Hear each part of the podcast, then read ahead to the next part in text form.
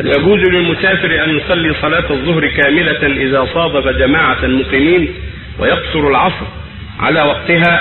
وعكس ذلك إذا صادف جماعة في صلاة العصر وهو مسافر وهل لم يصلي الظهر؟ وهو ها؟ وهو لم يصلي وهو لم يصلي الظهر. هل يقصر الظهر ويصلي أربع أربع؟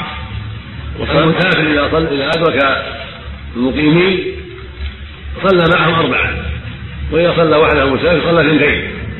وإذا أدركهم يصلوا العصر وما صلى الظهر فالصواب يصلي معهم العصر بنية الظهر أربعا ثم إذا سلموا قام وصلى العصر اثنتين العصر بنية الظهر كيف يعني؟ يصلي الظهر قبل العصر لا حرج على الصحيح آه. لأنها متفقة معه فإذا والنية نيته واحد إذا نوى الظهر التي عليه صلاها خلفهم وصلى العصر ثم بعد ما يسلمون يصلي العصر التي عليه اثنتين فالحاصل أن المسافر إذا صلى مع المقيمين صلى أربعا وإذا صلى وحده مع المسافرين صلى اثنتين سئل ابن عباس عن ذلك.